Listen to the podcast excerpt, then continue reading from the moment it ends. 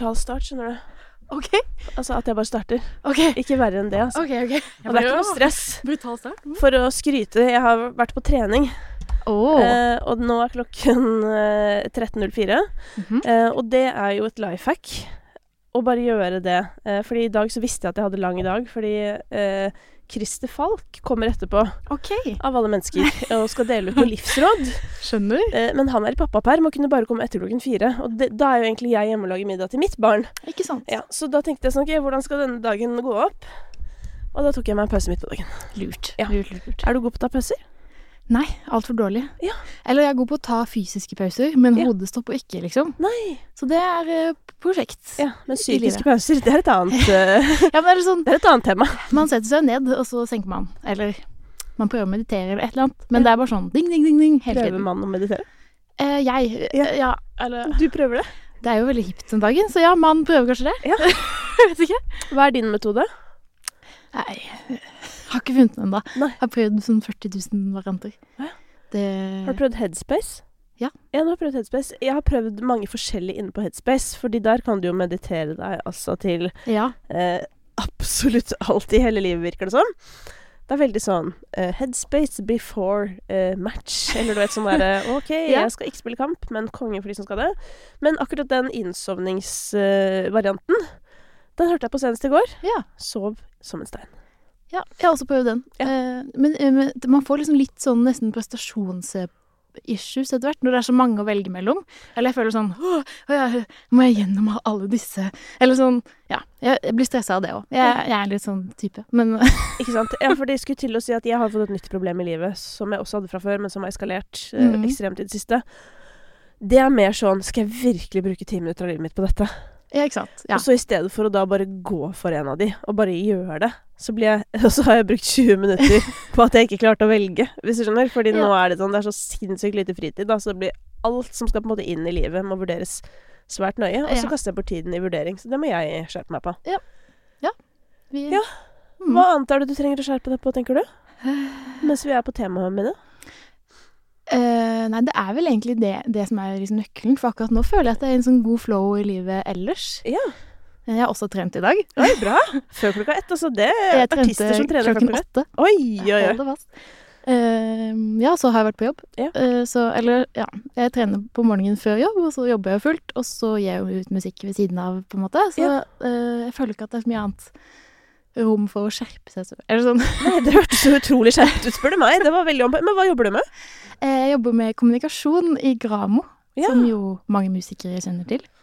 Eh, som ble litt sånn greie under covid, eh, at jeg kjente sånn OK, ja, musikk er jo ikke noe man kan lene seg på, i hvert fall. Og eh, at, at man fikk liksom andre verdier. Jeg tror mange kjente på det. Sånn Oi, kanskje skal flytte hjem til Arendal, eller sånn. Ja. trenger litt luft rundt meg, eller trenger liksom litt fastere rammer å forholde meg til.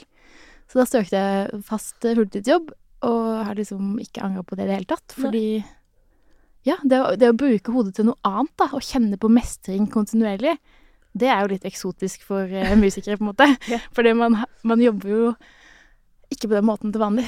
Så det har vært helt ekstremt digg å få den uh, følelsen av at man kan gjøre noe. Som man stoler på at man kan, Ja. eh, fast, da. ja. Pluss at noen andre faktisk og forteller deg at du kunne det, da. Ikke sant? Det er jo noe med det. Og så handler det ikke om deg. Nei, nettopp. Hvordan har du opplevd det? Å på en måte flytte fokus litt fra kun eget prosjekt over i også andre ting? Helt sykt digg, det også. Altså, jeg er jo en litt bekymra type som er litt sånn redd for verden på et eller annet vis. Så det, det er noe med det å bare um, ja, ufarliggjøre det litt, da. Eller bare ta tak i noe som ligger utenfor, og som ikke Og skjønne at hvis noe går galt, så ja, OK, da prøver du igjen i morgen, på en måte. Eller sånn Det er ikke noe personlig, det er ikke noe Du trenger å ta det innover deg hvis det går galt, eller Ja. Jeg vet ikke. Ja. Nei, det er jo altså, det er mange som spør meg sånn der 'Du som har angst og sånn, herregud, hvorfor fikk du unge?' liksom. Så er det sånn Eh, fordi jeg har jo, føler jeg har fått råd i mange år om at jeg burde få unge fordi jeg er engstelig. Fordi det hjelper. Eh, fordi man får fokus et annet sted. Nå skal det Mm. sies at eh, heldigvis ble jeg mye mindre engstelig, så jeg trengte ikke å få et barn for å ikke bli det. Nei. Men eh, jeg har jo en veldig hang til bekymring. Men med barnet mitt så er jeg ganske ubekymret. Ja. Sånn at eh, det er ikke noe automatikk i det i det hele tatt. Men, men den effekten som, som faktisk er, da, og som også alle sier, eller mange sier, er jo bare at sånn veldig mange ting som har, som har tatt mye kapasitet før, å bekymre meg for. Mm. eh, spesielt sånn jobbting. Sånn 'Å nei, hvordan kommer det til å gå med ditt og datt?' og Ja. alle mulige ting. Det er bare sånn det er, Jeg har ikke plass. Nei. Rett at jeg må vurdere om jeg skal bruke ti minutter på en meditasjon. Det er sånn, Jeg Ja. kan ikke bruke tid på det. Nei. Så det er digg, fordi jeg må på en måte se om barnet mitt har lært seg å si 'mamma'. Ja. Mamma, mamma. Ja. Pap, sier hun. Eh, ja. Så det, det er jo hyggelig, da. Så jeg tenker jo at uh, alle som har en jobb som er ekstremt uh, egosentrisk, Mm. vil ha veldig godt av et eller annet som er utafor det. Mm. Det være seg mennesker, vanlig jobb eller andre ting. Enig. Ja. Men uh, du, altså uh, Ponett er jo ditt prosjekt, Mhm. men det er jo på en måte også et band. Kan du ikke bare avklare hva som er den ekte strukturen, og hvem som er sjefen, og hvem som bestemmer? Ja. uh, det har jo variert litt, på en måte, og derfor er det blitt litt forvirrende, kanskje. Vi har valgt en sånn variant der jeg er på en måte bonett i meg selv og er en artist. Ja. og skriver jo tekstene og melodiene. Eh, men så har vi jo vært et eh, fullt band, og vi var på et eller annet tidspunkt eh, ja, fire-fem medlemmer. eh, som har falt fra litt sånn én etter én på grunn av fulltidsjobber og barn og litt sånt. Mm. Og så er det nå meg og Johannes Amble igjen, som Ja. spiller gitar, da. Men som også er liksom ekstremt god på alt som jeg ikke er noe god på. Og hva er det? Struktur og rutine og liksom eh, Helene, nå må du svare på meldingene dine. For, for det er sånne ting som jeg syns av og til kan være litt overveldende. Um, hvis man har veldig mye på en gang, og så kommer det masse krav fra alle kanter, i alle kanaler, for nå kan jo folk nå deg på Instagram, på mail, på Messenger, altså telefon, og så plutselig har du liksom incoming i alle kanaler. Da er Johannes eh, gull, fordi Ja. han er så ryddig, og bare fikser vi dette for en kant, og så kommer vi i mål. Og så er han jo med i studio og sånn, da. Eh, og man hører jo ham veldig godt i lydbildet, fordi det er jo gitar ja, I hvert fall nå er det mye gitar, da. Ja. Det var en periode hvor det var veldig elektronisk, men ja. Så nå er det Johannes og meg, og vi er jo likeverdige partnere. Eh, men jeg tar mye av den ansikt utad-rollen, for han er ikke så komfortabel med det. Ikke sant? Ikke at jeg heller er spesielt komfortabel med det. Men ja, det kommer jo liksom med, da. Ja, det er fint å få snakke med én land, som jeg pleier å si. det er jo greit. Det er jo det som er det rare med å være artist, at mange Eller artister kommer jo i alle former, akkurat som oss mennesker. Em, men så er det noen ting som hører med den jobben som ikke alle har lyst til å gjøre, på en måte. Mm. Og så er jo jeg samtidig veldig opptatt av i min jobb sånn der Jeg må gjøre kjedelige ting òg. Jeg hater regnskap.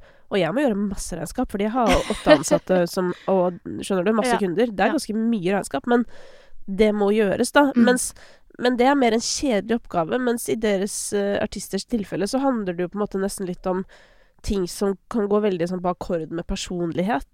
Altså mm, hvis du er ekstremt introvert og bare ikke får noe energi Ja. av den ytre verden, så er det veldig slitsomt hvis du må være der hele tiden. Ja, Ja, absolutt. Jeg har slitt litt med det, kan jo si det. Men Ja. uh, jeg syns jo det er dritvanskelig å være en del av liksom musikkverdenen i det hele tatt. Fordi der er litt sånn markedsverdien din om du er god på å mingle, eller sånn om du er god til å knytte kontakter og 'Å, der møtte den, hils på Følg deg på Insta', eller sånn snakke Ja. Jeg er så sykt dårlig på de tingene, for jeg blir så selvbevisst, og, og jeg, jeg har veldig lyst til å få det til. Jeg er veldig glad i folk, men jeg bare blir så klønete og blir sånn snublete og får liksom ikke til å oppføre meg sånn som jeg skulle gjort. Så på alle måter en dårlig sånn, sånn del av musikkbransjen, da, hvis du kan si det sånn. Men det føler jeg alle sitter og kjenner på, da. Ja, ja sikkert. Og selv de som er skikkelig gode på sånn TikTok og sånn, på en måte, Ja. føler seg jo awkward i virkeligheten. Ja. Så det er jo det som er det interessante her. At sånn, det trøster jeg meg kjempeofte med, faktisk. At Ja. hvis jeg kommer et sted, og så er jeg redd, så tenker jeg sånn derre Alle er jo dritredde, og de er sikkert mye reddere enn meg. Og da går det på en måte over, Ja. hvis du skjønner. Jeg Ja. tenkte på det her liksom på eh, da, altså på Spellemann eh, nå sist, så drev jeg og hjalp folk inn på rød løper. Fordi det bare sto masse folk og var sånn der Å nei. Å, det er så flaut. Og så er det sånn Ja, enten ikke gjør det, Ja. eller så bare gjør Bare det er lættis. Liksom, er eksponer deg selv for at det er Ja. Det er jo det det er. Eh, La oss være ærlige. Men jeg elsker sånne sammenkomster, da. Mm. Så der skiller jo jeg meg fra mange. Ja. Men jeg tror òg det er fordi at jeg er voksen. Ja. Så jeg har ikke noe sånn uh, engstelighet knyttet til det. For meg er det sånn Jeg tenker sånn Faen, så jævlig praktisk at jeg kan møte så mange på ett sted. Eh, det er jo konge. Oh, shit, ja. Jo, altså, men det er jo veldig stas. Eller inni meg så er jeg veldig sånn «Å, dette, Wow, tenk å få være med på dette, liksom. Jeg var også på Spellemann litt eh, Ja. Ja. Mm. Men eh, ja, jeg syns det er veldig stas, og ekstremt eh, sånn vanskelig samtidig, bare. Så det er sånn skikkelig kamp, på en måte. Men hvordan forholder du deg til å stå på scenen da, når du skal fremføre musikken? Eh, egentlig litt samme måte. Ja. Jeg elsker det også, egentlig. Ja. Men jeg må minne meg selv litt på at jeg elsker det, fordi det er ekstremt utfordrende også. For jeg, jeg tror bare at øh, Jeg vet ikke, jeg har aldri passa helt inn i den derre øh, Nå skal jeg bli så flink som mulig, eller sånn Nå skal jeg vise hva jeg kan Jeg er ikke sånn eh, For meg så er musikk ekstremt personlig, da, og det henger så sammen med hvem jeg er. For jeg har ikke latt det liksom bli et sånt håndverk, selv om jeg har studert musikk og har bachelor i utøvende musikk og um, Det kunne på en måte vært det for meg, da. Men jeg har fortsatt holdt det som noe privat og personlig, og noe som henger sammen med min smak, og det utvikler seg i takt med min personlighet, på en måte. Så det blir så personlig å skulle gjøre det foran et publikum, på en måte, også. Ja. Hva legger du i at du ikke At det ikke har blitt et håndverk? Ja, det er jo et håndverk, så ikke sånn, men, men alle jeg har studert sammen med og sånt, begynte på et eller annet tidspunkt å forholde seg til musikk som noe man kan analysere Det måtte man jo i visse fag og sånt. Ja. Analysere det, mm, forholde seg til det gjennom teori, eh, med den type briller på, da. Um, men eh, jeg mista med en gang gleden ved musikk ved å jobbe på den måten. Så jeg tenkte at liksom magefølelsen og intuisjonen skulle være det man gikk ut fra når Ja. man skriver og jobber med musikk. Så ja, jeg vet ikke helt hvor jeg skulle med det, men Men hva slags type analyse var det som eh, du syntes var spesielt usexy, hvis det går an å si det? Nei, når man sier sånn, hvis du tar denne akkordvendingen, så vekker det disse følelsene hos, eh, hos deg, da. Og så gjør det jo det, og så blir du sånn, å ja. Det er jo ikke noe magisk ved det, på en måte. Eh, eller hvis du, hvis du mm, Ja, jeg vet ikke. Når du ser et veldig fint maleri, men så bryter du ned og ser hvordan det er laget, og skal analysere eh, Sette, sette det inn i en tid, og eh, hvilke metoder som er brukt, så blir det liksom ikke like Du bruker ikke magen når du gjør det, da, hvis du skjønner hva jeg mener. Ehm, og, og jeg tror bare at hvis man skal holde på med det lenge, så må det være noe du liksom brenner for, og som kommer innenfra på en sånn måte. Jeg, jeg vet ikke. Ja, jeg, jeg tror 100% det også, men samtidig så er det jo for noen så kan det være nyttig med, med disse verktøyene. Fordi jeg tror at sånn for Mm. meg så uh, syns jeg noen ganger sånn verktøy kan være en lek. Det er eksempel Mm. en som en produsent som heter Pluto, eh, som har gjort med Isa og Dutty og Eller som er med i den gjengen der. Og han pleier noen ganger å poste sånne oppgaver eh, på Instagram. Sikkert som sånn inspirasjon til andre produsenter, da. Men som jeg syns er litt gøy. Sånn der I dag må du lage en sang uten trommer. Eller du vet, bare Ja, litt okay. sånne ting, da. Og det er sånn jeg har tenkt på ref. Sånn hvis jeg får idésperre, da, eh, som jo er det jeg jobber med, eller hvis noen får skrivesperre, så syns jeg det kan være kjempenyttig å på en måte eh, sette opp en sånn kunstig ramme for noe jeg skal lage. Mm. Og så ikke fordi at det skal bli noe jeg skal bruke, men bare fordi jeg er veldig opptatt av å øve. Apropos da, på håndverket. Fordi jeg eh, Nå skal jo sies jeg, det, det jeg driver med, det har ikke så høye krav til, mener jeg, da, eh, inderlighet og sånn som kanskje det du og spesielt musikken du lager, har. Mm. Liksom, jeg har jo ikke lyst til å høre Highas Kite lage låter eh, helt likt sånn jeg lager ideer. Fordi at for meg så handler det om å lage et kjempehøyt volum i håp om at noen av de blir dritfete og unike, men også kjempebrede og alt det der, Ja. som ikke er så viktig i musikken. For i musikken føler jeg det er mer sånn Du skal bare mm, treffe et, altså et eller annet, ikke Ja. sant? En nerve. Og den, den fins det ikke en oppskrift på. Nei. Så det er litt forskjellig. Men igjen så tror jeg du aldri treffer den nerven heller hvis du ikke blir jævlig god i Nei, nei. å bare lage masse. Helt enig. Så du Altså, jeg sier ikke at det er feil å se på det som et håndverk. Altså, de dritmange flinke folk som man ser opp til, som gjør det. Ja. Men det var egentlig bare personlig for min del. Sånn, Ja. Jeg tror jeg bare har en litt rar hjerne, som gjør at med en gang jeg må forholde meg til sånne regler, så Ja. dreper det veldig mye av kreativiteten, da. Ja. Og intuisjonen rundt det. Så, men altså, ser veldig opp til de som klarer å mikse det på, på en sånn perfekt måte. Det er jo det, er det beste, på en måte. Men, men ja. hvordan jobber du, da? Typisk. Ja, så si det. jeg, jeg pleier egentlig Det pleier å være ganske sånn introvert prosess i starten. Ja. At jeg sitter eh, ofte hjemme. Har en sånn liten krok hjemme hvor jeg har et enkelt hjemmestudio. Um, hvor jeg, jeg får ofte veldig, sånn intense følelser, da. Som jeg kjenner sånn OK, nå er jeg nødt til å bare skrive meg ut av dette, på en måte. Og så setter jeg meg bare ned og prøver å beskrive den følelsen på et eller annet vis. Eh, og det blir jo veldig sånn Jeg vet ikke. Man, man prøver å, å bokstavelig talt si det den følelsen føles ut som, da. For det er en øvelse som, eh, som jeg syns er veldig tilfredsstillende når jeg får til. Eh, I og med at man er litt sånn introvert eh, og rar type, så føles det veldig ofte som at man ikke får sagt det man skulle sagt, eller at man blir litt misforstått, eller Så det å kunne sette seg ned og helt alene formulere de følelsene i ord, og si akkurat det det føles ut som, da blir jeg sånn Dette er den beste følelsen i hele verden for meg. Og ja. Etter jeg har gjort det, og etter jeg har formet en slags skisse på det, og dette er en låt, så tar jeg det med i studio med en produsent, som nå om dagen er Coucheron, og Johannes, da, som er med med gitar. Ja, Ikke sant. Eh, Når er det du Eller har du et eksempel på en gang du føler at du lykkes eh, veldig med å beskrive en følelse? Um, jeg, føl, jeg føler at egentlig hele Eller mange av låtene på forrige album vi gjorde, på n- det som heter Nude, var en sånn For det var så intens personlig tid, holdt jeg på å si. Jeg hadde jo akkurat kommet ut av et forhold og var liksom litt sånn Nå føler jeg meg ekstremt alene i dette, og nå må jeg bare finne meg selv og stable meg på beina igjen. Og da kommer det jo veldig mange så, sånne øyeblikk. Ja. Eh, så flere av de låtene er veldig sånn Dette er akkurat den følelsen man har. Men det som er skummelt med å jobbe på den måten, er jo at folk tolker ofte teksten veldig, person nei, veldig bokstavelig, på en måte. Ja. Og siden det ikke er skrevet fra en historie, men fra en følelse, ja. gir det mening, så, så blir det litt feil, da.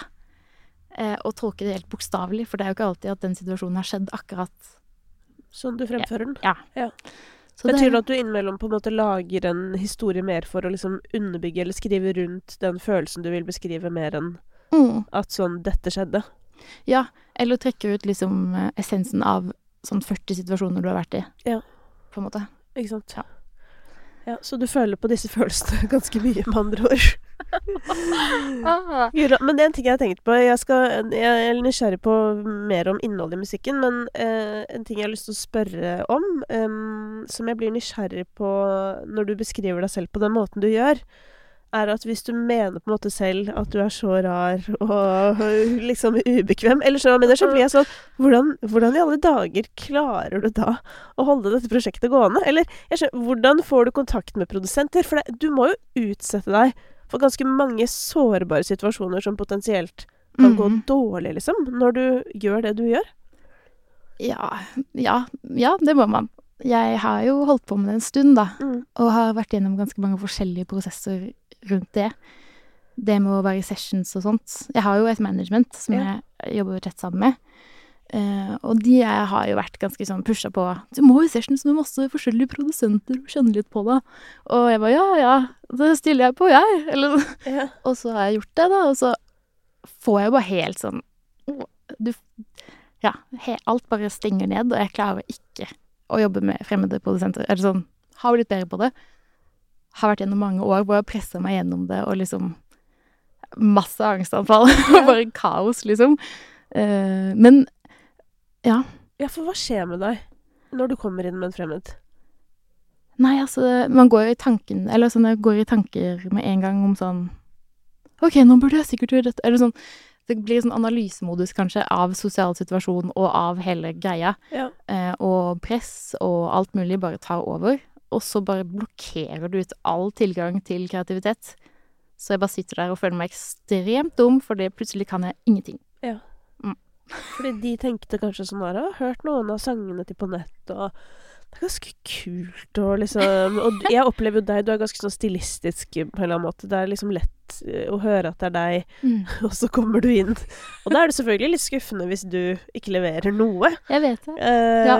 Men åpenbart så kan du jo levere, så da er det jo noe med settingen som ikke er helt tilrettelagt, da. Ja, jeg har jo vært veldig streng de siste årene på at OK, enten så jobber jeg med folk som jeg er komfortabel med å jobbe med, eller så kan dere godt sende meg ting som jeg kan jobbe med hjemme og legge noen skisser på. Og Ja. det har funka fint.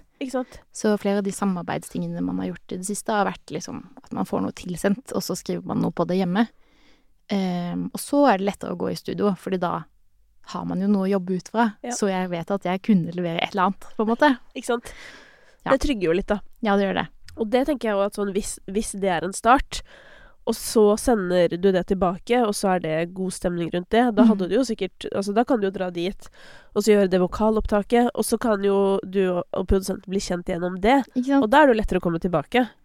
Ja. så det, men det her, sånne her ting, da, eh, dette er også Dette brenner jeg litt for i livet generelt, fordi vi er jo alle forskjellige og har alle vårt, åpenbart. Mm. Og det betyr ikke at liksom OK, du er sånn, så du kan ikke ha den jobben, eller du er sånn, så du kan Altså, nei, Nei. sånn er det jo ikke, liksom. Fordi jeg kan ha en megaintrovert her, jeg, som ikke vil se på folk engang. Fordi personen kan bare sitte med ryggen til og klippe podkast hele dagen. Eller du er sånn. Ja. Det går bra for meg.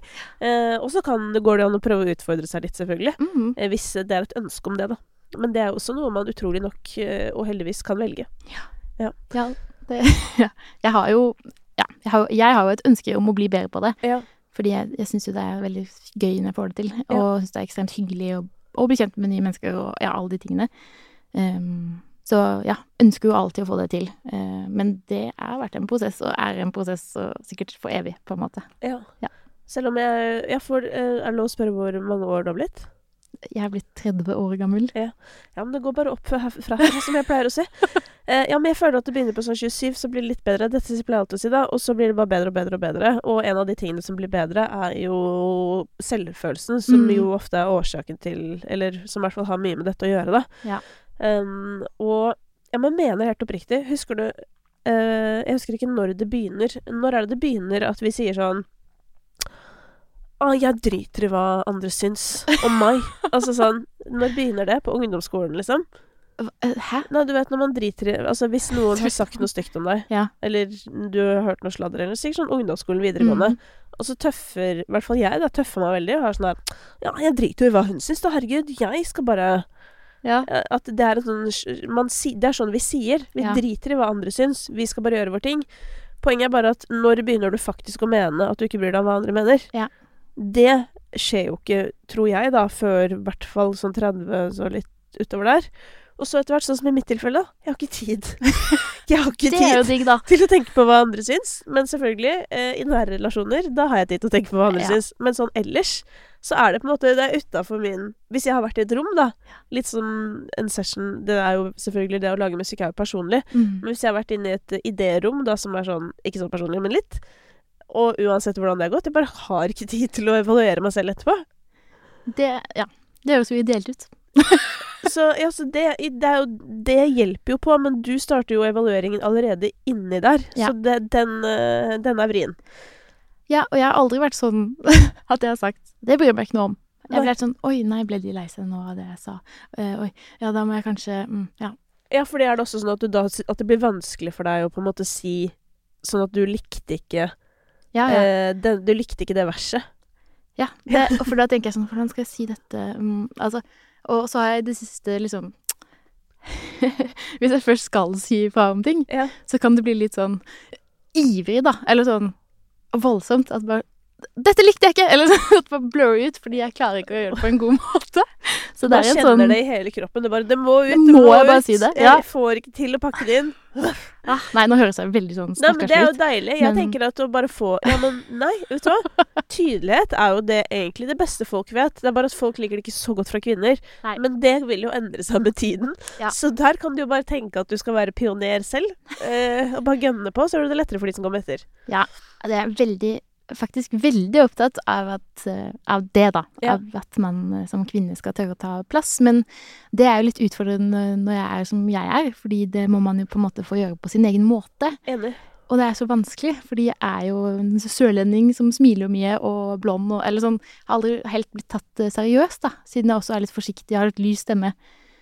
Så det også føler jeg liksom hvordan, hvordan skal man gjøre det? For det, måten å ta plass på i dag er vel liksom å må sånn, Skjønner du hva jeg mener? Ja, det er jo, dette er jo ekstremt interessant at du kommer inn på, fordi dette handler jo om at ja, standarden for å ta plass på riktig måte er ganske sånn Ja. maskulin.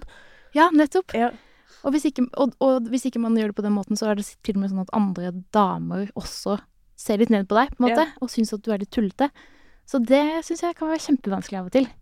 Eh, for jeg har ikke lyst til å endre meg som person for å kunne kjempe den kampen. Man må jo kunne gjøre det ut fra egne forutsetninger. Hvis ikke så er det jo ikke ekte, på en måte.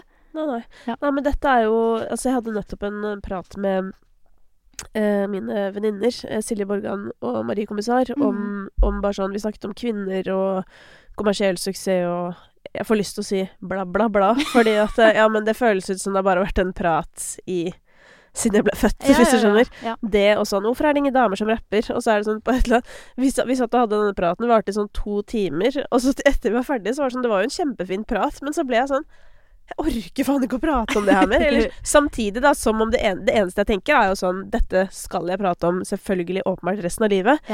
Men det er jo innimellom jeg får sånn Gud a meg. Nå det, det går sakte fremover.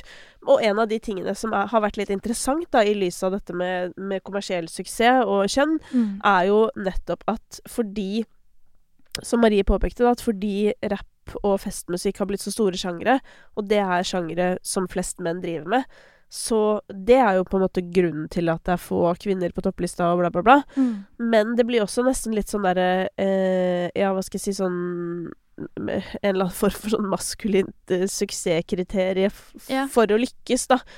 Eh, så det er jo litt det samme der. Men det viser seg jo at kvinner Altså, kvinner hører jo eh, eh, litt på kvinner, og mest på menn. Yeah. Og menn hører veldig litt på kvinner, yeah. og mest på menn. Så, så vi velger jo heller ikke hverandre, holdt Mhm. på å si. Så det er jo mange utfordringer i det segmentet du startet på der. Ja, jeg vet det. Og det Ja. Jeg, jeg er sånn som får fysisk ubehag av å tenke på urettferdighet. Ja. Og selv om jeg er forsiktig på mange områder i livet, så er det et, et område hvor jeg er veldig sånn hard, da. Veldig Ja. opptatt av fagforening, og veldig opptatt av at ja, utjevne forskjeller og de tingene der. Eh, og det har jeg kjempa veldig ma mange kamper på, på jobb, jobbsammenheng. Så jeg er veldig sånn engasjert i det, men som sagt da på, På din måte. på min måte. Ja. Hva slags type kamper har du kjempet? Jeg hadde sånn, eh, hvis det er lov å si, drittjobb Ja. på et hotell i sentrum. Skal ikke si hvilket. I Eh, Oslo sentrum også? Ja. Ja. Og da um, hadde vi ekstremt dårlig lønn, ekstremt dårlige vilkår. For det var bare sånn inn og ut unge ansatte som trengte en sidejobb. Ja. Og da overtalte jeg alle til å melde seg inn i LO. Og så fikk vi hele hotellkjeden til å måtte ha liksom avtale med LO for hvordan forholdene skulle ligge til rette og sånt. Uh, uh, ja. Sånne type Så det ting, da. får du til. Det får jeg til. Ja. Men den en gang jeg liksom Du svarer på DMs, det blir vanskelig. Ja, men hvis jeg liksom skal snakke på vegne av noen som har det tøft, eller hvis noen yeah. er svakere enn meg, da kan man si, som yeah. ikke klarer å si det de mener, da har jeg ikke noe problem med det. Nei, ikke sant. Men hvis noen sier sånn Du, jeg elsker musikken, eller så blir jeg sånn «Åh, jeg vet ikke hva jeg skal Eller spør hvordan lagde du den låta, eller så bare Ja, men jeg er så jo, ja. Jeg føler meg liksom så underlegen i den sammenhengen jeg er i hele tiden, eh, når det gjelder musikk, da. Ja. For det er så vanskelig å ha troen på seg selv og Jeg er jo ikke dritopptatt av teknikk vokalmessig eller å være den beste låtskriveren håndverksmessig, eller jeg er liksom ikke best på noe. Så det eneste jeg har på å gå på, er jo liksom Dette er meg og mine greier, liksom. Og det får være min valuta. Eh, men det er vanskelig å stå i det av og til, for du kan ikke sammenligne det med noe. Og skal jo heller ikke det. Mm. Og så er det jo heller ikke et prosjekt som har liksom enorm kommersiell suksess, på en måte. Det er jo Det har veldig få, da, eh, skal sies, enn Ja. så lenge. Ja. Så der er du jo langt fra alene, vil jeg si. Ja. Men det er jeg nysgjerrig på, på en måte. eh, Dette med, eh, med på nett og, også, og tiden fremover. Er det liksom noe mål? Altså, hva er Ja, hva er drømmen med det prosjektet? Altså Nå har jeg holdt på med det i kjempemange år, og det, den drømmen former seg jo litt mens man går, tror jeg. Ja. For i starten så var jeg jo liksom sånn Vi skal ta over verden, og dette blir det kuleste noensinne. Og så blir man litt mer voksen selv også, og kjenner at um, OK, men dette er det vi har å jobbe med. Eller OK, jeg roter meg alltid bort når jeg snakker. Det er så fint. Men at ja, det er jo ikke eh, Det har ikke kommet lett, da, for å si det sånn. Eh, alt man har jobbet for, har man måtte jobbe hardt for. Og man ser jo liksom sånn Jeg ser jo at antall streams og lyttere faktisk de siste, år, siste årene har doblet seg hvert år. Og det er jo positivt. Og til slutt så vil jo det sikkert bli veldig bra. Ja. Eh, men det å liksom klare å se på det på den måten, eh, jobbe sakte, legge stein for stein, og kanskje til slutt kunne liksom leve av det og lære seg å bli glad i å spille konserter, fordi man kan gjøre det hele tiden og sånn. Ja, for det er også et veldig viktig poeng, da. At Ja. eksponeringsterapi Yes. Det er jo ikke noe du gjør én gang, og så er du frisk. Holdt på å si. Det må jo helst skje litt mye i en Ja. periode. Ja. Og der var covid ekstremt ødeleggende for min del, fordi vi var skikkelig godt i gang med gigs før det. Og etter det så har det vært sånn helt forferdelig å spille. Ja. Da, ja, da må man begynne helt fra nytt igjen, på en måte. Så må være du- tilbake på videregående, typ. Hva er det du syns er det plagsomme, holdt på å si, i den settingen? Jeg vet ikke, man setter seg jo i en situasjon der alle skal liksom se på og vurdere det du gjør, da. Som jo er en veldig unaturlig situasjon, bare så det er sagt. Ja. Og når man da kjenner sånn Kjenner på de tingene med at man er ikke den flinkeste vokalisten, eller synger ikke alltid rent, eller sånn Da vet man at man også på en måte eh, Ja, man, man utsetter seg selv for å liksom Se her, alle mine feil. Dette er jo litt sjukt å gjøre, på en måte. Men, sy men syns du at låtene er eh, bra? Ja. Ja. Ja, det syns jeg jo. Så for det er det, ikke sant? Men eh, her har du meg, da. Jeg er jo hun som har musikkvideo på tredemøllen. Eh, litt sånn som jeg hørte på en annen podkast. Jeg tror Julie var på sånn der Big Five eller noe. Julie Mhm. Bergan. Og hun sa også at hun er sånn som kan Hun bare løper på tredemølla, og så bare plutselig står og synger. Og jeg synger ikke høyt, eller jeg prøver i hvert fall å, å la være, da. Ja. Men det er veldig ofte sånn at i det siste så hører jeg på Loreen sin eh, Eurovision-sang, liksom. Og så Jeg danser hele dansen, og det er helt Helt skada, liksom. Og hvis noen går forbi, så blir det kjempeflaut for meg. Men jeg bare har det konge, hvis du skjønner. Ja. Og, det, og hvis jeg skulle fremført eh, Men selvfølgelig, nå er jo jeg litt annerledes òg, da. Jeg liker jo å stå på scenen. men tan tanken på å skulle fremføre låter jeg selv har lagd som jeg syns er dritfete, ja. uansett om jeg synger dårlig Jeg hadde bare elsket det så mye. Kjenner du på litt det, da? Litt sånn stolthet over sånn Åh, den sangen her er dritbra. Um... Jeg er stolt av at jeg kan være avsender. Jeg skulle ønske at jeg kunne si ja, det kjenner jeg på.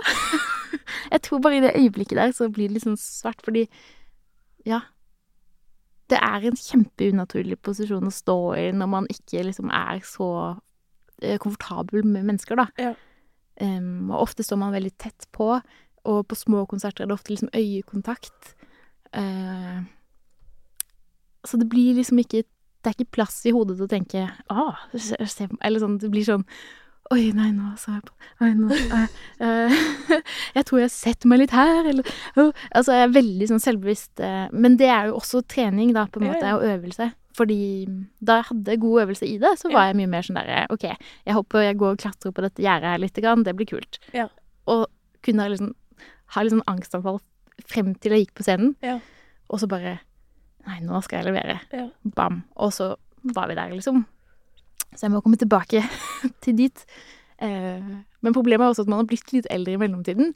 Og blir jo mer sånn konsekvenstenkende, eller jeg i hvert fall har blitt det. Mm, og litt mer sånn rolig. Ja, på hvilken måte? Jeg, altså, før var jeg veldig sånn Å, jeg vil oppleve masse ting. Vi må dra på fest hele tiden. Uh, imaget på nett skal være sånn farlig, og vi skal ha sånn Altså, alle fotoshootene gjorde vi hjemme. Vi hadde en blekksprut Eller sånn en slange hjemme på badet til en fotoshoot med film. Altså eh, Da var det viktig å liksom presse grensene i alle retninger hele tiden. Og nå er jeg sånn Jeg har fått meg hund og en kjæreste som jeg er veldig glad i, som ikke driver med musikk i det hele tatt. Som er bare verdens snilleste fyr. Og trives sykt godt hjemme bare sammen med de to, på en måte.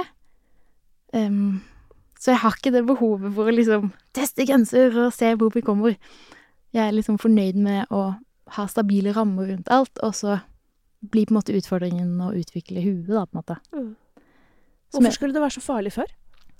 Eller hva var liksom det hva, hva, hva var koblingen på nett og farlig? Hvis vi var jo på en måte Vi var jo en gjeng i bandet, på en måte, som hang veldig mye sammen, og så hadde vi veldig mye felles preferanser for hva vi likte av musikk, og hva som var kult. Det var jo mer sånn at man skulle Man syntes det var kulere at det liksom var mer kunstnerisk, og mer liksom Hele prosjektet skulle være liksom eksperimentelt, på en måte. Og nå har ikke jeg det behovet, i hvert fall, alene. nå som jeg driver hele prosjektet fremover sjøl.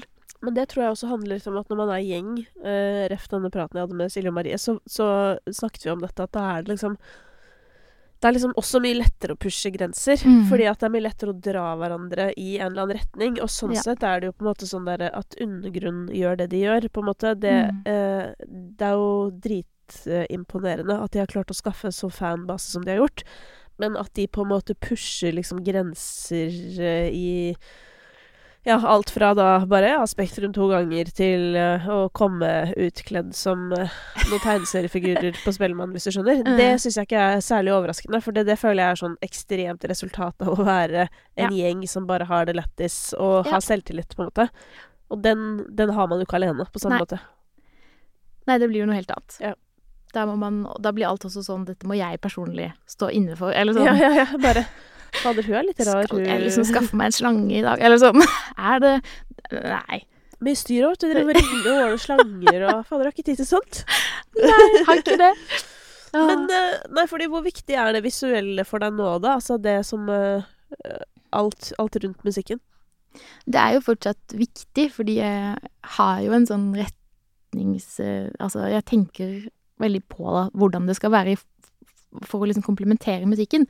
Men det er jo ikke viktig på samme måte som før, for før var det liksom en egen greie, nesten, eh, atskilt fra musikken. Ja. At man skulle ha masse greier.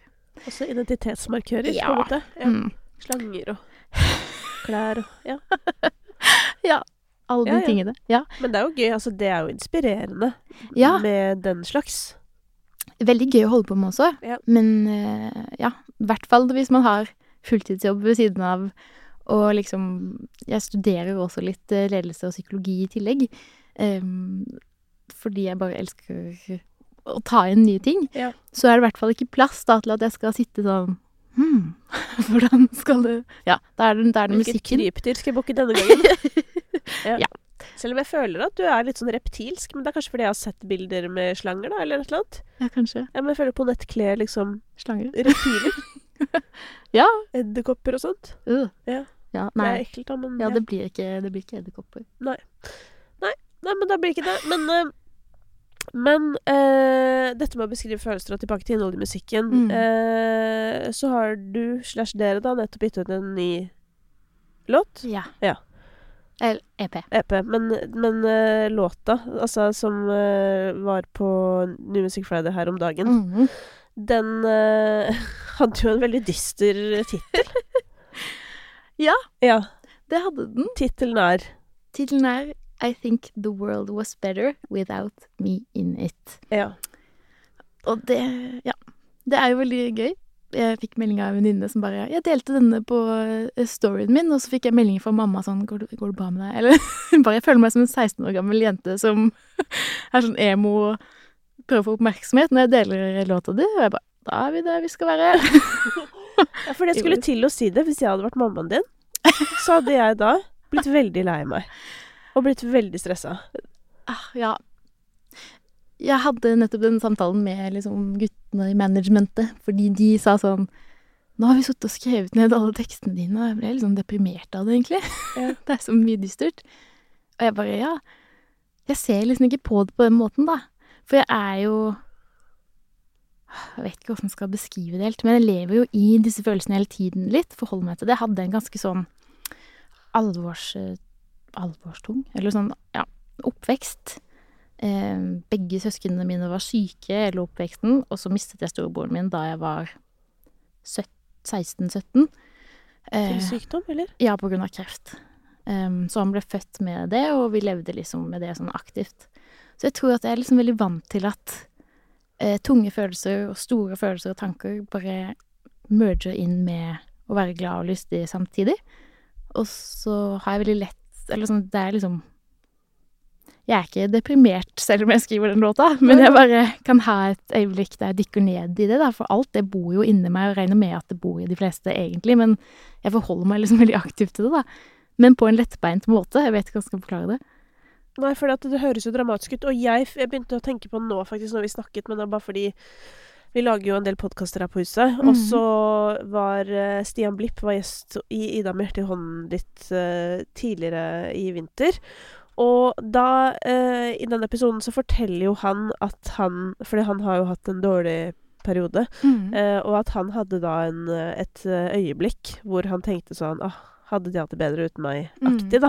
Så det er, jo, det er jo det, ikke sant, at mine tanker og jeg tror alle sine tanker som bare hører deg synge det, så Ja. går det jo liksom rett til det scenarioet. Ja. Og det er jo veldig dramatisk. Ja. Og derfor så blir jeg jo nysgjerrig på Jeg føler jo at vi har forstått litt mer av det ut fra det du har sagt, men hva er det da for deg Ja. å si det? Ja. Fordi hvilken følelse er det for deg, hvis du skjønner? Altså Jeg vet ikke helt. Eh, Det er jo på en måte når eh, man får sånn Når man blir liksom for mye for seg selv, da, hvis du skjønner hva jeg mener. Det er liksom Nå er det altfor mange tankeprosesser. Jeg har for mye greier som jeg bare ikke skjønner helt, og, og jeg har ingen plass. Jeg, man kan jo ofte liksom kjenne seg litt sånn ensom i verden, hvis man, spesielt hvis man ikke liksom har liksom supersosiale evner og de tingene der. Så hvis man sitter alene med egne tanker og grubler, liksom, så eh, s- Jeg vet ikke, det er vel et resultat av det, på et eller annet vis, men Ja. det er ikke liksom Ja, nå skal jeg ta livet mitt Eller sånn, det er ikke det jeg prøver å si, da. Nei. Eh, Nei, fordi jeg fikk også opp i bildet nå som var mer sånn Som var mer bare sånn der Det der at du sier når du sier at du føler deg klønete, og at Ja. sånn derre Å nei, nei, nå sa jeg noe feil. og nei, Ja. helvete. Å nei, nå hadde det vært bedre hvis jeg bare ikke ja. var i denne situasjonen, fordi nå føler jeg at jeg er her og fucker opp stemninga. ja, det Ja. er mer det, bare Ja. mer liksom Den tyngre delen av det, da, på en måte. Ikke sant.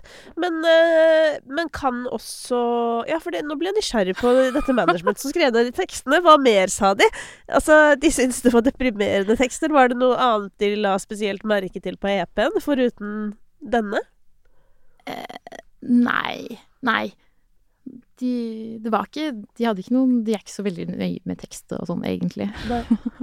Det var bare han ene som kommenterte det, da. Hvor Ja. jeg bare Ja, men i mine øyne så ser det helt annerledes ut, da. Ja. Jeg, jeg ser det ikke på samme måte som dere. Nei, at, men, og det skal jo sies, da. Altså, det er jo bare å lese noen tekster. Det. De fleste er jo særdeles depressing. Eh, hvis, vi skal, hvis det plutselig ble en målestokk. Ja. Men nå er jo vi litt forstyrra her hjemme, for nå har det blitt mye snorting og shots og Ikke sant. Det har vært mye andre greier som har vært populært her. det er sant. Så jeg føler jo at vi har fått litt sånn uh, forstyrra bilde av Ja. hva som er vanlig innhold i musikk. Ja. Fordi før føler jeg det var bare liksom eh, Det var litt party, selvfølgelig, men det var litt sånn I'm so high in the sky-aktig. det kan jo for så vidt også være en depressiv låt. Ja. Eh, og så var det kjærlighetssorg og Ja. livet suger, på en måte. Så der er jo vi litt annerledes. Ja, ja, absolutt. Jeg lo også litt av det, fordi da Den låta jeg gjorde med Pasha og Kusharon, Ja. da eh, skulle spille konsert, og Pasha skulle spille senere, og så kom han bort sånn 'Du, forresten, jeg har en låt eh, som jeg tror du må synge på.' Eh, den er litt sånn emo, så det passer bra til Ponett. Ja. jeg bare Jeg er jo ikke helt klar over at folk ser på det på den måten. Nei. Så det er veldig artig å få sånne små Ja, men jeg føler også det er litt sånn elektronisk emo. Ja, ikke sant? Jeg, jeg, og jeg, for meg så er det jo bare vanlig Eller sånn, det er sånn det er, på en måte. Ja. Så jeg tenker ikke over at det er emo eller Nei, eh, men eh, hvis, trist eller Ja. hvis du da er i en sosial setting, da, eh, mot formodning, og så spør noen deg ja, på nett, ja, hva, hva lager du da? Hva, hva slags musikk er det? Hva sier du da? Jeg pleier å si sånn ja, Det er jo pop, på en måte, men Ja. litt sånn kanskje litt uh, utfordrende til tider. Ja. Eller sånn annerledes. Ja. Litt left field? Ja. Popmusikk? Så Ja, men der, der, der, fordi der vil jo jeg hevde at det egentlig ikke er det. ja, okay. Jeg syns ikke det er så annerledes, fordi Ja. eh, hvis du liksom Og det er jo det som eh, Så det er jo derfor jeg alltid bruker på nett som et eksempel på min eh, frustrasjon over hvordan skal folk oppdage musikk. Fordi at sånn eh, Et argument eh, imot min oppgitthet kunne jo være at sånn Ja, men det dere lager er smalt uansett, så hvorfor skal Det er ikke for alle. Mm. Men det er jo der jeg vil hevde Nei, men det er ikke smalt. Fordi hva er smal musikk i dag? Ikke sant? Det er jo liksom Altså, før, back in the days, så var da Jeg pleier å vise det til de på Eller nå har jeg vist det til alle, så nå kan jeg ikke vise det til flere. Men nå har jeg vært gjennom hele runden, fordi de jeg jobber med, de er jo litt yngre enn meg. Og så prøver jeg å vise dem at sånn Før, da jeg jobbet i P3 som musikkprodusent, altså jobbet med spillelistene på radio, Mhm. da var Luke Star A-lista på P3. Så da er bandet til Truls, som jo på en måte ingen unge heller husker. Men når jeg setter på Out of Yourself, Ja. da husker de den sangen. Mm. Så den har dere hørt.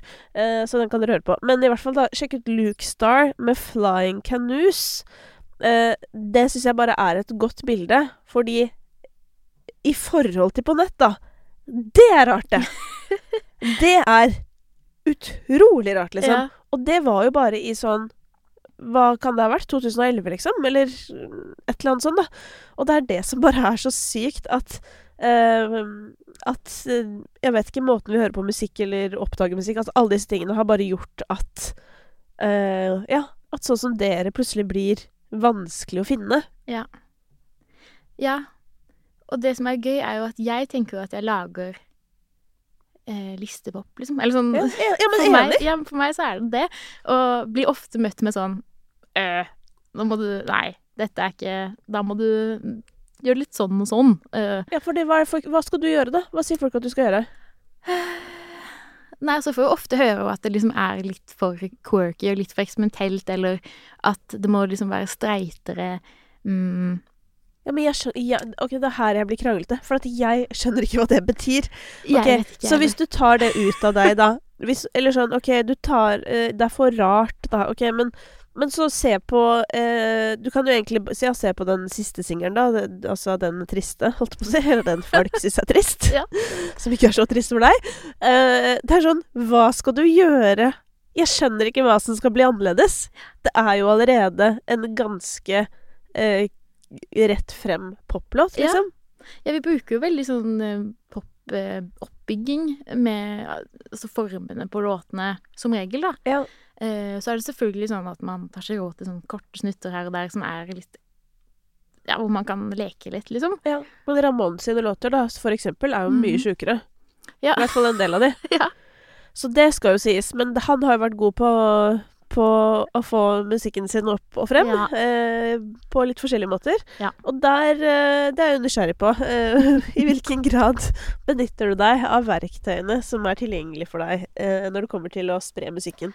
Altfor lite. Ja. Det er Det er det verste managementet mitt vet. Eller sånn, de har veldig lyst til at jeg skal gjøre det. Ja, hva sier de at du skal gjøre da?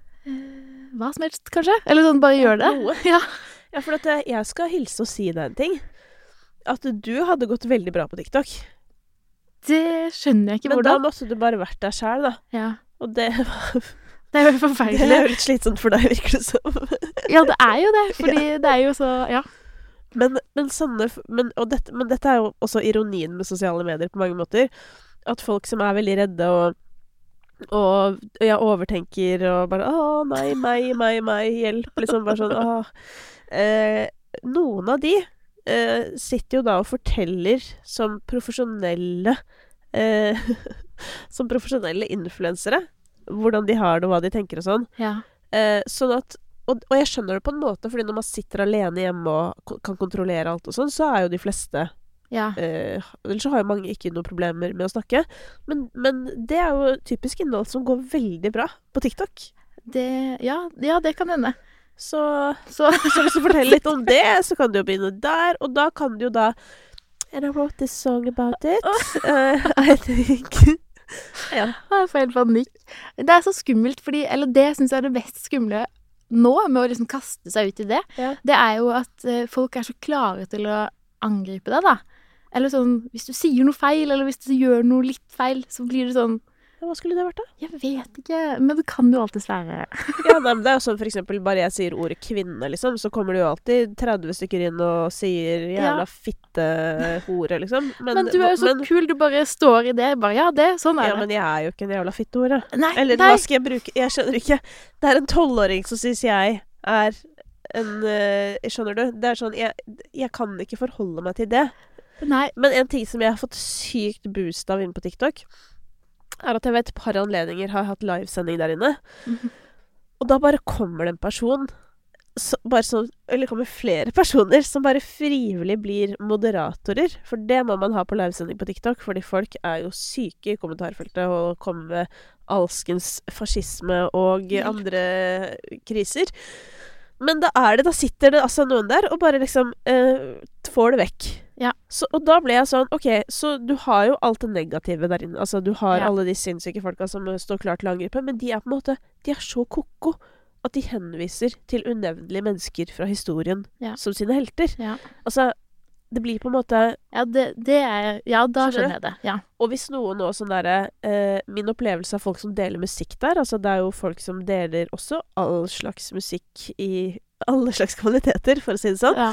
Eh, og selv de rareste kvaliteter får applaus.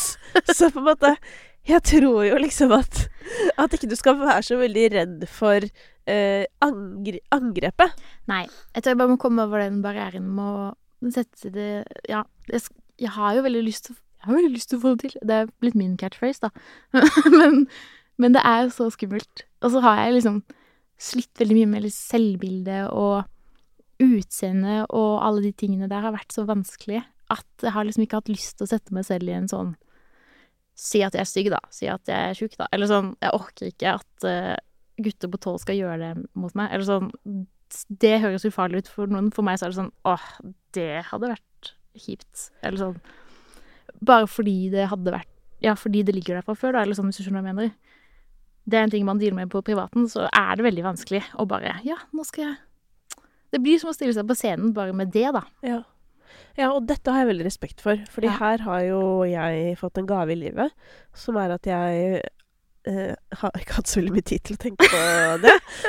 um, og der tror jeg faktisk at Jeg husker da vi begynte å filme på radio, begynte å filme i P3. Det var på en måte jeg har egentlig aldri hatt så veldig mye utfordringer med disse tingene. Ikke at sånn at jeg syns at jeg er noe digg eller noe heller. Det er ikke det. Men det er bare mer at jeg oppriktig tenker veldig lite på det. Ja. Uh, og at sånn Ja, før Spellemann, for eksempel, så kommer jeg på dagen før. Å, helvete, skulle jeg hatt noe å ha på meg, da. Ja. Og hvis jeg ikke finner det, da, da, da tar jeg på meg skinnbuksa. Eller noe sånt. Det er, det er liksom Det er ikke så farlig. Ja. Og det er kjempedeilig, og det er en kjempestor gave, fordi jeg vet hvor mye energi andre folk bruker på det. Og Ja. når du i tillegg har utfordring med det, så vet jeg også hvor mye For da går det jo med ekstreme mengder tid på de greiene der. Og det eh, men, men samtidig, så med forlengelsen, holdt på å si, så var jeg jo litt sånn at jeg hadde lyst til å i hvert fall eh, se ålreit ut, da. Eller du vet sånn ordne meg hvis jeg skulle noe og sånn. Ja. Men så begynte vi med de kameraene, og jeg så altså ut som et helvete hver dag. Fordi man ble filmet Dette var jo øh, tidlig fase. Ja. Tidlig internettfase. Ja. Og jeg, jeg husker vi kalte det bare for musekameraene. For at det, liksom, de filmet litt sånn nedenfra, litt sånn opp i nesen. Så jeg fikk et Oi. sånn ansikt som bare så ut som en musespiss. Og det eh, tror jeg ble eh, en slags gave for meg. For at eh, gjennom de dager Altså, det var hver dag i mange år. Mm. Og Jeg husker sånn hvis vi tok noen bilder av gjester, og de var sånn der ville se på bildet og sånn. Og for meg var det bare sånn Hvorfor skal du se på bildet? Hæ? Jeg skjønner aldri sånn hvorfor noen skal godkjenne Nei. Fordi jeg har på en måte bare lagt det fra meg. Ja. Sånn ta, Dere får bare ta meg som jeg er. Ja. Jeg er ikke her i kraft av hvordan jeg ser ut uansett. For at da, hvis dere vil ha en jævlig pen, så må dere jo ringe en som er jævlig pen, da. Eller du vet Og, og det Det endte opp med å bli en gave, og det er også en eksponering. Men jeg tror for noen så er jo den eksponeringen å filme seg selv hver dag, ref. covid og de møtene, og at uh, konsultasjoner for uh, Hva heter det? Plastisk kirurgi gikk i været. Ja. For noen er det også bare en kilde til at det blir verre. Ja. Og da skal man jo heller ikke drive med det. Nei. Så det er jo spørsmålet. Men kanskje du filmer deg selv veldig mye og bare sånn Helvete, jeg er pen. Det kan det, ja, altså, men det er ikke sånn at jeg Altså, dette er jo noe som man på en måte sliter mest med, føler jeg, inntil man kanskje blir 30, jeg vet ikke. Jeg, jeg har i hvert fall roa meg ned med de bekymringene selv, da. Ja. Jeg bryr meg ikke om det sånn som du sier, i, i hverdagen, på en Nei. måte. Men det er nok miksen, kanskje spesielt nå, da, med å skulle kaste seg ut på TikTok som 30-åring, hvor du ikke er sånn Det er ingen som venter på deg der, liksom. Og Men ingen venter på noen der. Nei, men. Det er jo Ja, man Ja. Skjønner? Ok, det her, dette er veldig trist. Ikke sant? Jeg merker nå at min innstilling den er både veldig trist, men den er også veldig liksom ufarliggjørende. Ja. Fordi min grunnholdning på en god dag Ja. Vel, la oss bare Det skal Det må ligge i bånn her. Ja. Fordi på en dårlig dag så er den helt kritisk. Ja. Men grunnholdning på en god dag er ingen bryr seg. Ja. Ingen bryr seg om noe eller noen. Whatsoever. I den grad noen bryr seg om noe eller noen, så bryr folk seg om at andre skal ha det bra. Ikke sant? At du eh, går forbi en som har snubla eller tryna på isen. Du vil at personen skal ha det bra. Ja. Så du spør 'oi, går det bra, skal jeg hjelpe deg opp'? Det er det.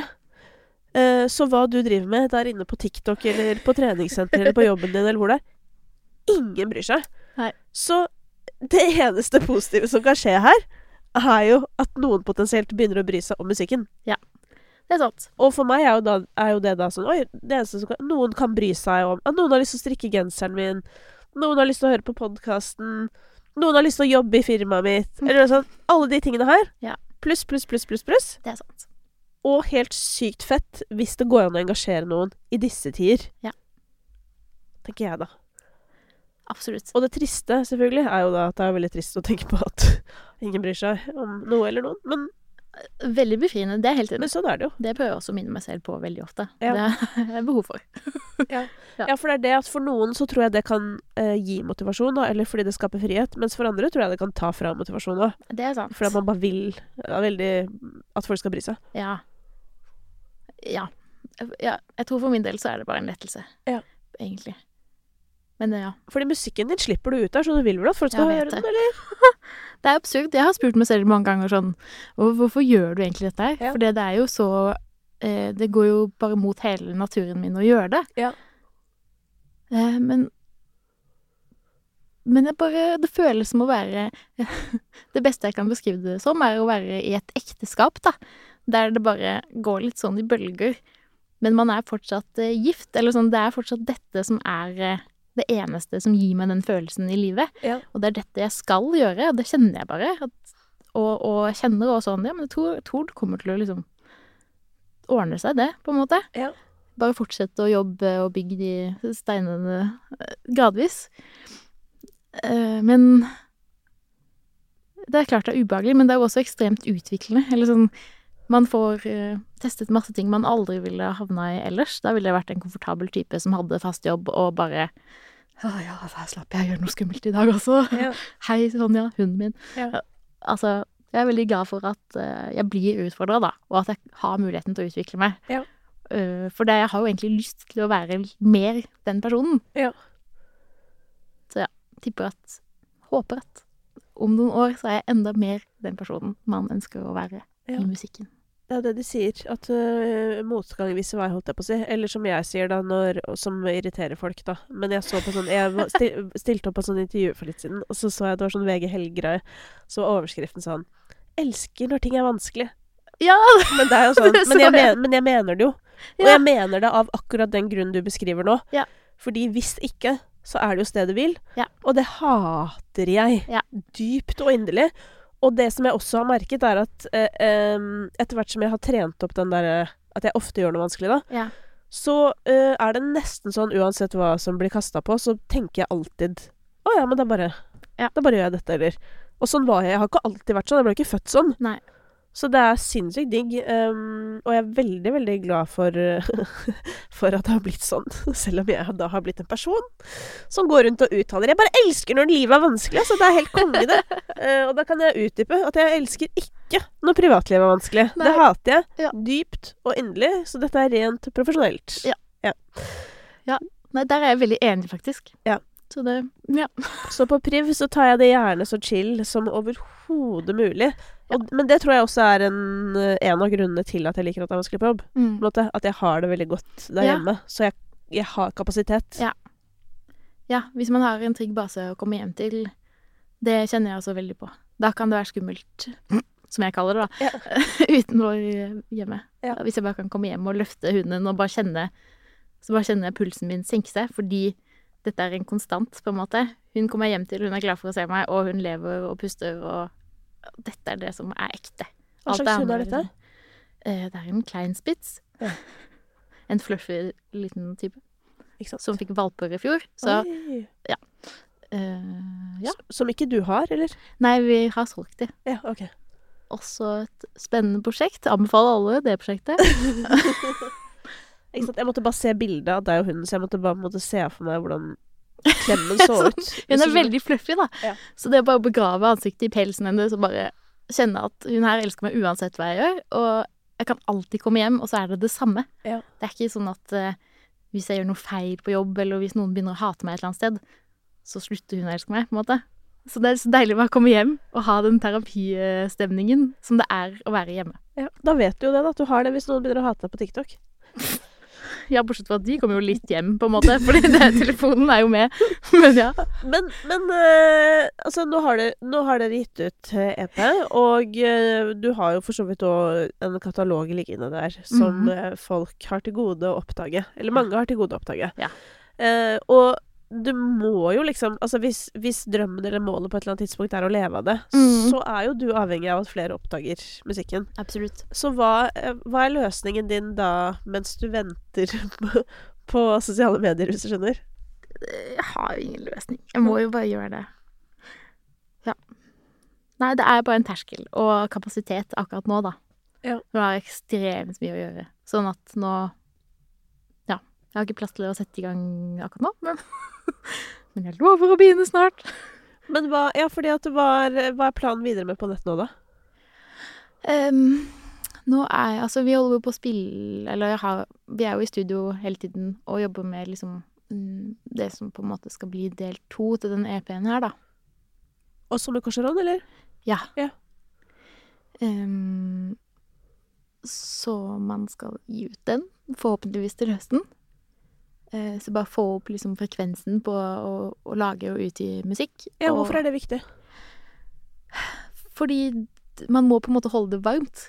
Det er jo Det dør jo litt ut i mellomtiden hvis ikke.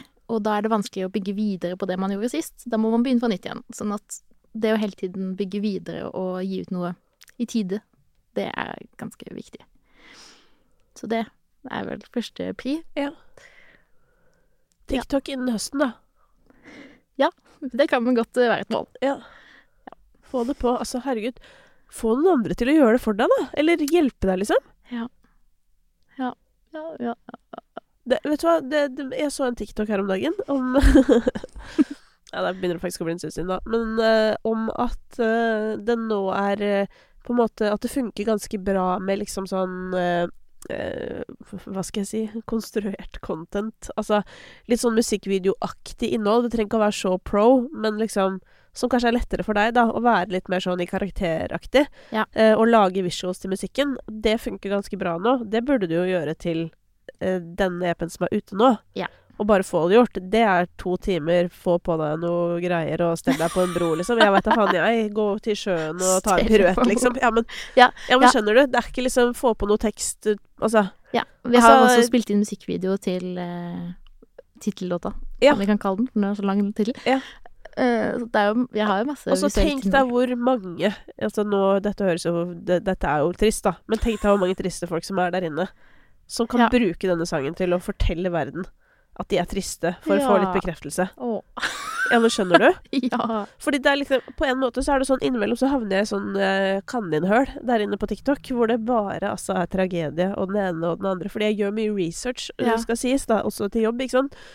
Så jeg har, altså jeg har vært i de rareste algoritmer. OK. Og der inne er det jo Altså, det er det er det hele. Hvis det er noe du vil se noe om, Ja. så er det der, liksom. ja. Eh, og folk er lei seg. Ikke sant? Folk har det vanskelig.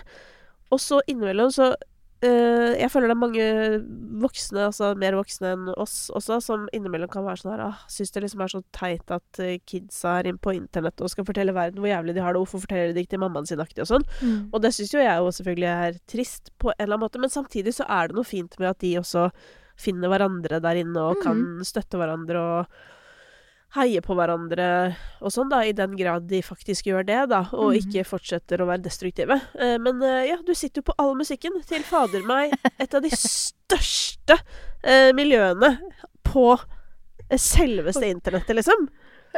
Du må jo få det ut der. Det er veldig artig. Eller det er ikke artig, men det er jo artig at emo-musikken må ut. Men ja. Altså, verden har vel sjelden trengt det mer.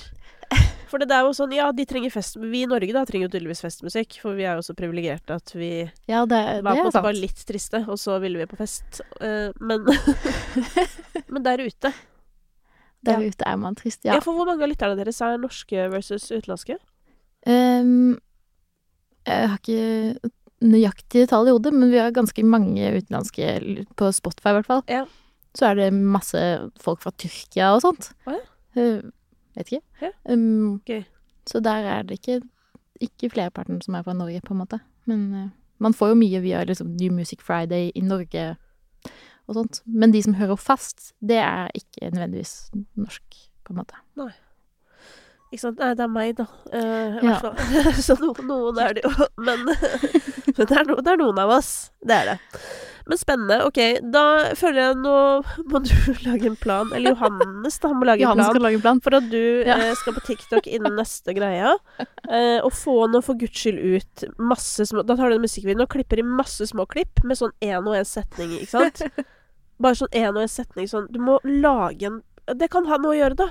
Analysere teksten og lage de klippene. Få det for guds skyld ut, sånn at hele emo-generasjonen der ute kan eh, lage noen videoer av seg sjøl. Få Ja. noe applaus. Ja, Det skal vi prøve på. Ja, nå men bra. Da gleder jeg meg til den trenden. Jeg også gleder meg til den trenden, ja. Ja. Mm. Jeg håper den blir positiv, da. Ja, det var det, da. Tross alt. Oi. Ja. Oi. Du må gå inn på alle soundsene og bare Hater de meg? Hater de Hope meg? you feel eh, eh, Eller et eller annet sånn Takk for at du hører på sangen. Uh, tenker på deg og håper du føler Men deg bedre. Men det også er jo ubehagelig Ikke ubehagelig. Det er veldig hyggelig at folk hører på musikken, Ja. men så kan jeg plutselig få sånne meldinger sånn Hei, kan du eh, Kan du snakke med vennen min på telefon fordi han har det skikkelig tøft akkurat Eller sånn Og Ja, da det er ikke ditt ansvar. Nei, men da får man jo panikk.